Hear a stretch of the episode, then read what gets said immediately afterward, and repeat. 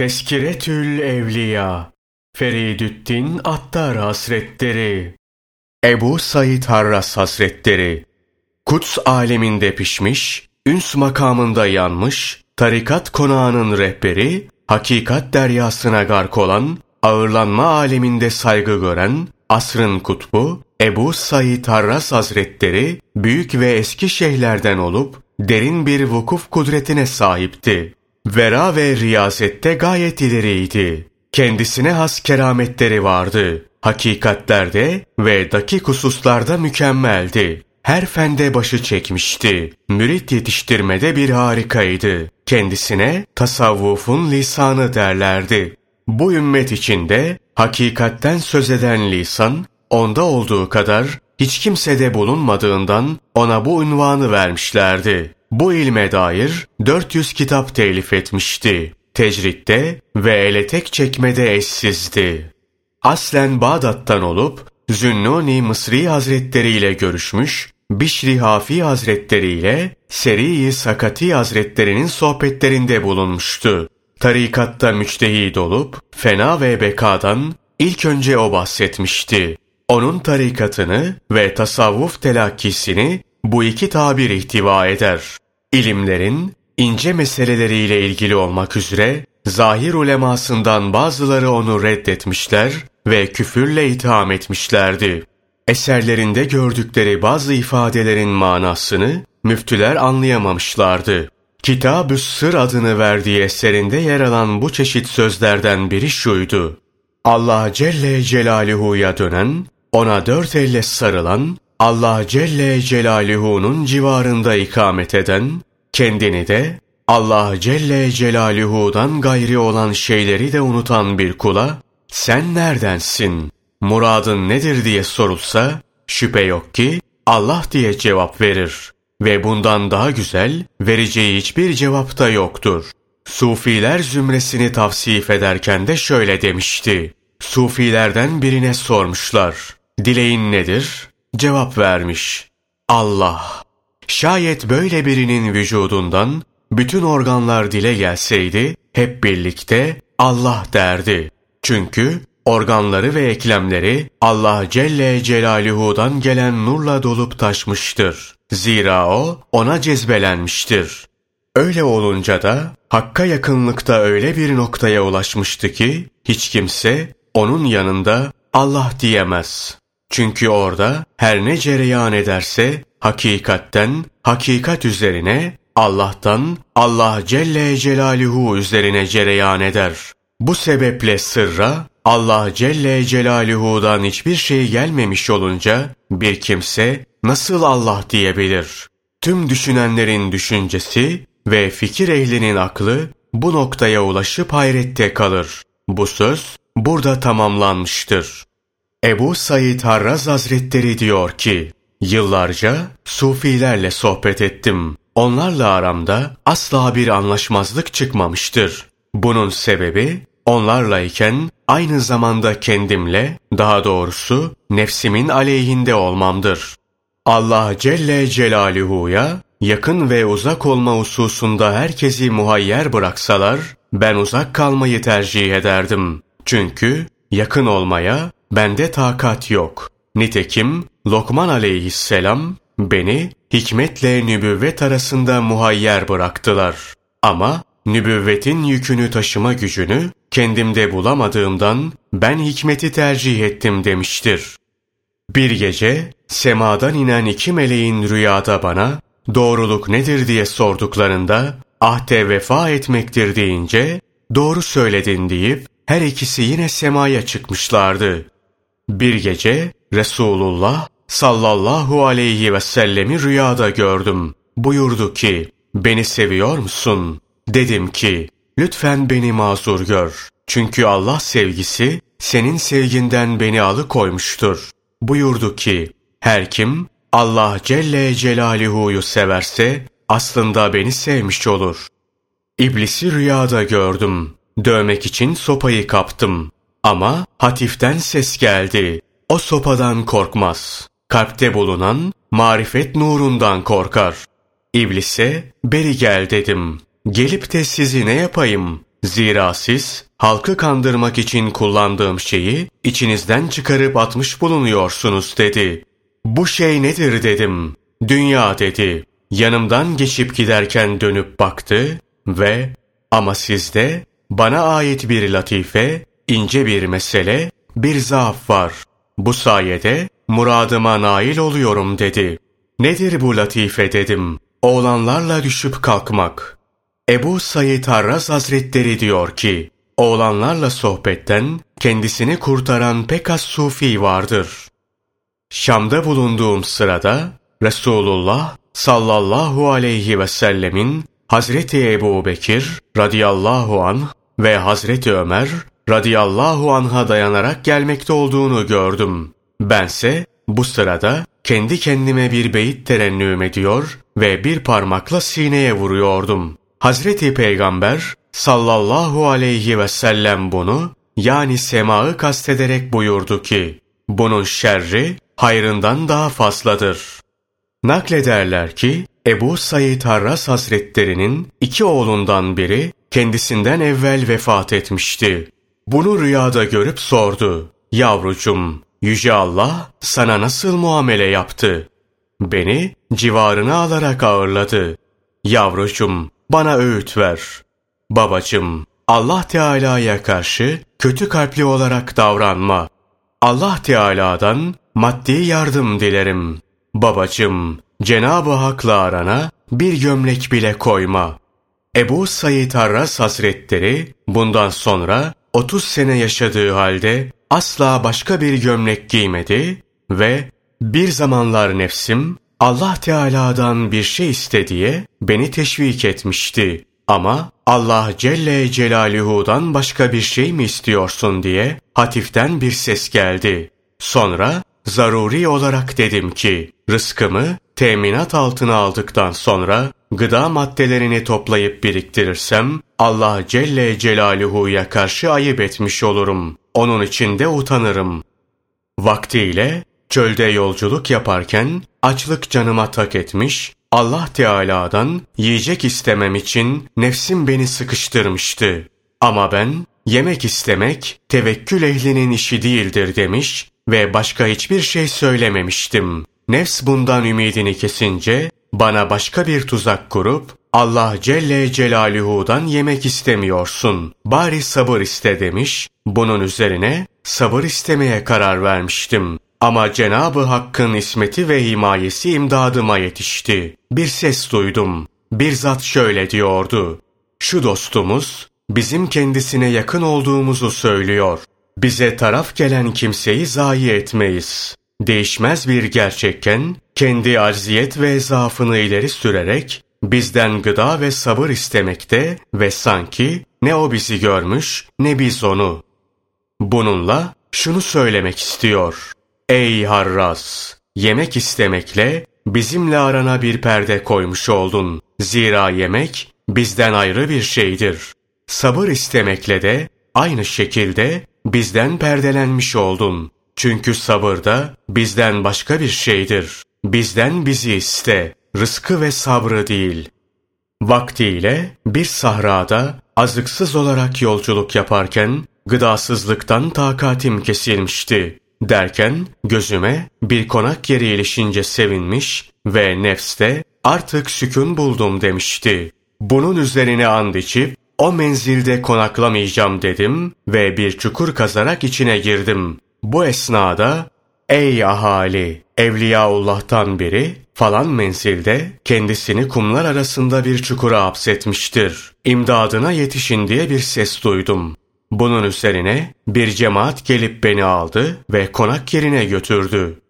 Bir müddet her üç günde bir yemek yerdim. Bir kere sahrada yolculuk yaparken üç gün geçtiği halde gıda olacak bir şey elime geçmedi. Dördüncü gün bende bir zafiyet belirdi. Adeti üsre beşeri tabiat yemek istedi. Bir yere gidip oturdum. Zafiyeti def etmek için dayanma gücümü dilersin yoksa nefsini teskin için yemek mi? Bunlardan birini seç diye bir ses geldi. Dayanma gücünü tercih ediyorum. Ya ilahi deyince kendimde öyle bir kuvvet buldum ki hiçbir şey yemeden ve içmeden 12 menzil daha gittim.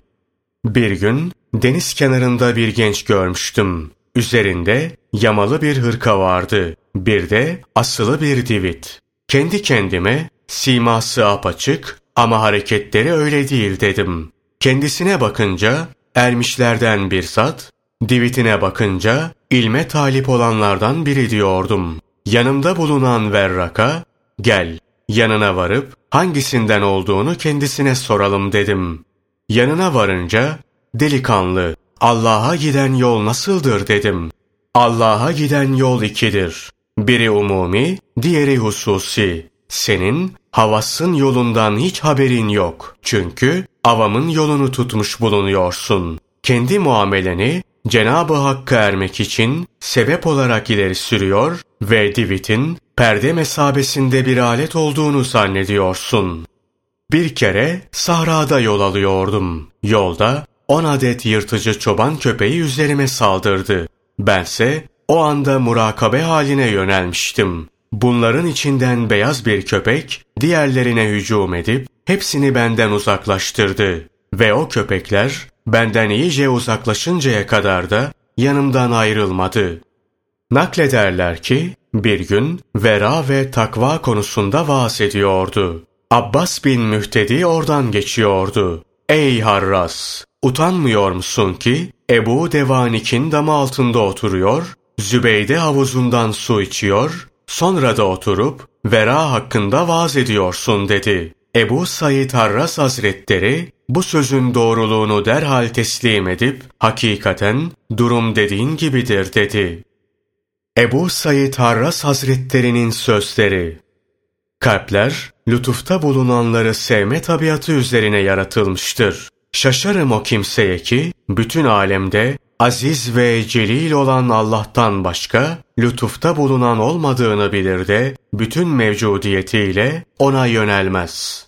Fukaranın birbirine düşman olması, Cenab-ı Hakk'ın gayretindendir. Zira birbirlerinden huzur ve sükun bulmalarını Allah Celle Celaluhu kıskanır. Allah Teala evliyasından amel ister ama onu tercih ve ihtiyar ettiklerinde onlarla arasına başka bir şeyin girmesi caiz olmaz. Onlar o hariç hiçbir şeyle huzur bulamazlar.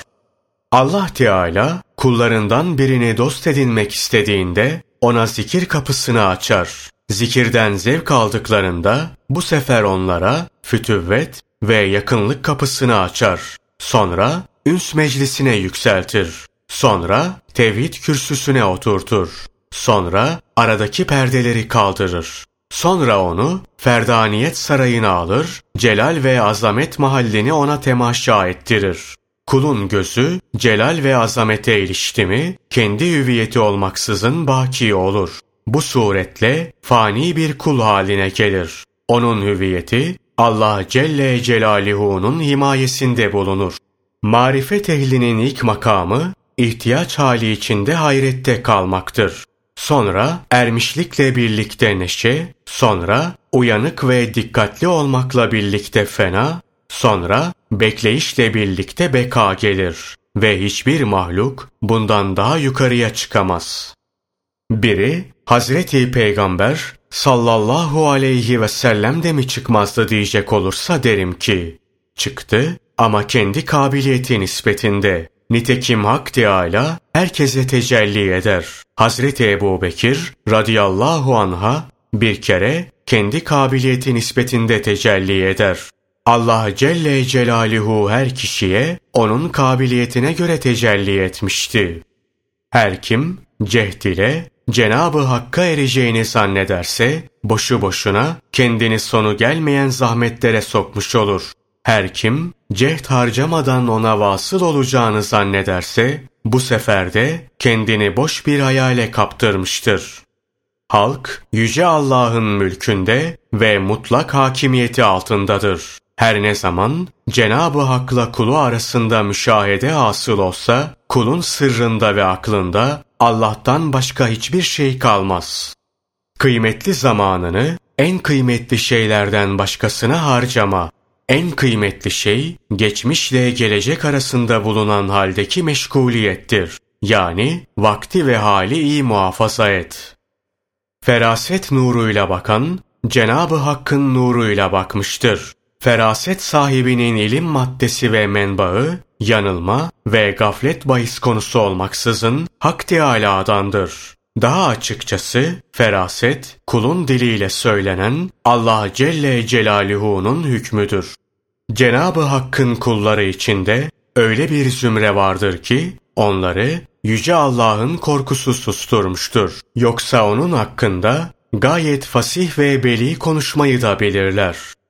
Kalbinde ilahi marifet karar kılan bir kimseye iki cihanda ancak onu görmek, ondan duymak ve onunla meşgul olmak yaraşır.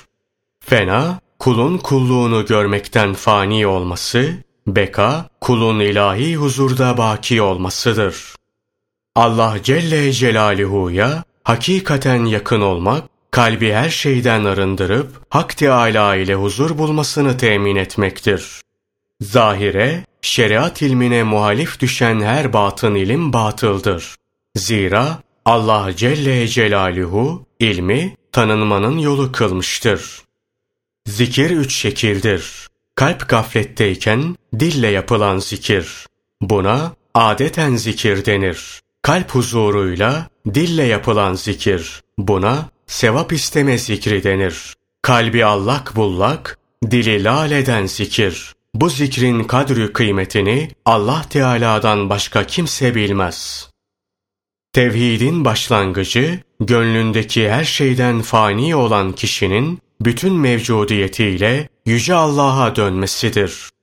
Arif, Allah Celle Celaluhu'ya ermediği sürece her şeyden medet umar. Erince de Allah Celle Celaluhu sayesinde hiçbir şeye ihtiyaç duymaz ve artık her şey kendisine muhtaç bulunur. Allah Celle Celaluhu'ya yakınlığın hakikati, kalpte hiçbir şeyi saklayamamak, bedende hiçbir şeyi hapsedememektir. İlim seni amele götürür, yakin ise seni taşır. Tasavvuf, zamana hakim olmaktır. Tasavvuf nedir? Tasavvuf, kendi benliğinden arınıp ilahi nurlarla dolmak, zikirden asıl olan zevkin ta içinde olmaktır. Tasavvuf ehli kimdir? Sen ne yapıyorsun? Bunlar öyle bir zümredir ki tatmin olana kadar ihsana nail olmuşlar, benliklerini kaybedene kadar masivaya iltifattan men olunmuşlardır. Sonra başkalarına deyiniz ki üzerime ağlayınız diye sırlarına nida olunmuştur. Arif ağlar mı? Yolda olduğu sürece ağlar.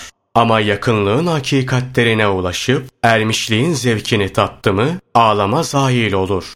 Zahid kendisiyle meşgul olduğundan yaşayışı hoş değildir. Arif Rabbi ile meşgul olduğundan yaşayışı hoştur. Yüksek ahlak sahibinin himmeti ancak ve ancak Allah olur. Tevekkül, kalbin Allah'a güvenmesidir. Tevekkül, sükûnu olmayan bir ıstırap ve ıstırabı bulunmayan bir sükundur. Yani tevekkül sahibinin yakınlığı bulmaması halinde hiç sükûnu yokmuş gibi hareketli, yakınlığı bulması halinde ise hiç hareketli değilmiş gibi sükûn halinde bulunması lazım gelir. Bir kimse Allah Celle Celaluhu ile arasındaki münasebetlere takva ve murakabeyi hakim kılmazsa keşif ve müşahede mertebesine eremez. Ubudiyetin saflığına aldanmayınız. Çünkü burada rububiyeti unutmak bahis konusudur. Bundan kurtulmanın yolu ubudiyette ikamet ederken rububiyetin tecellilerini müşahede edip nefsten kopmak ve Rab'le sükun bulmaktır. Zenginlerin fakirlere vermeleri gereken hak neden yerine ulaşmıyor? Bunun üç sebebi vardır. İlki, onların sahip oldukları mal helal değil. İkincisi, Allah onları buna muvaffak kılmıyor. Üçüncüsü, fakirler belayı tercih etmişler. Vesselam.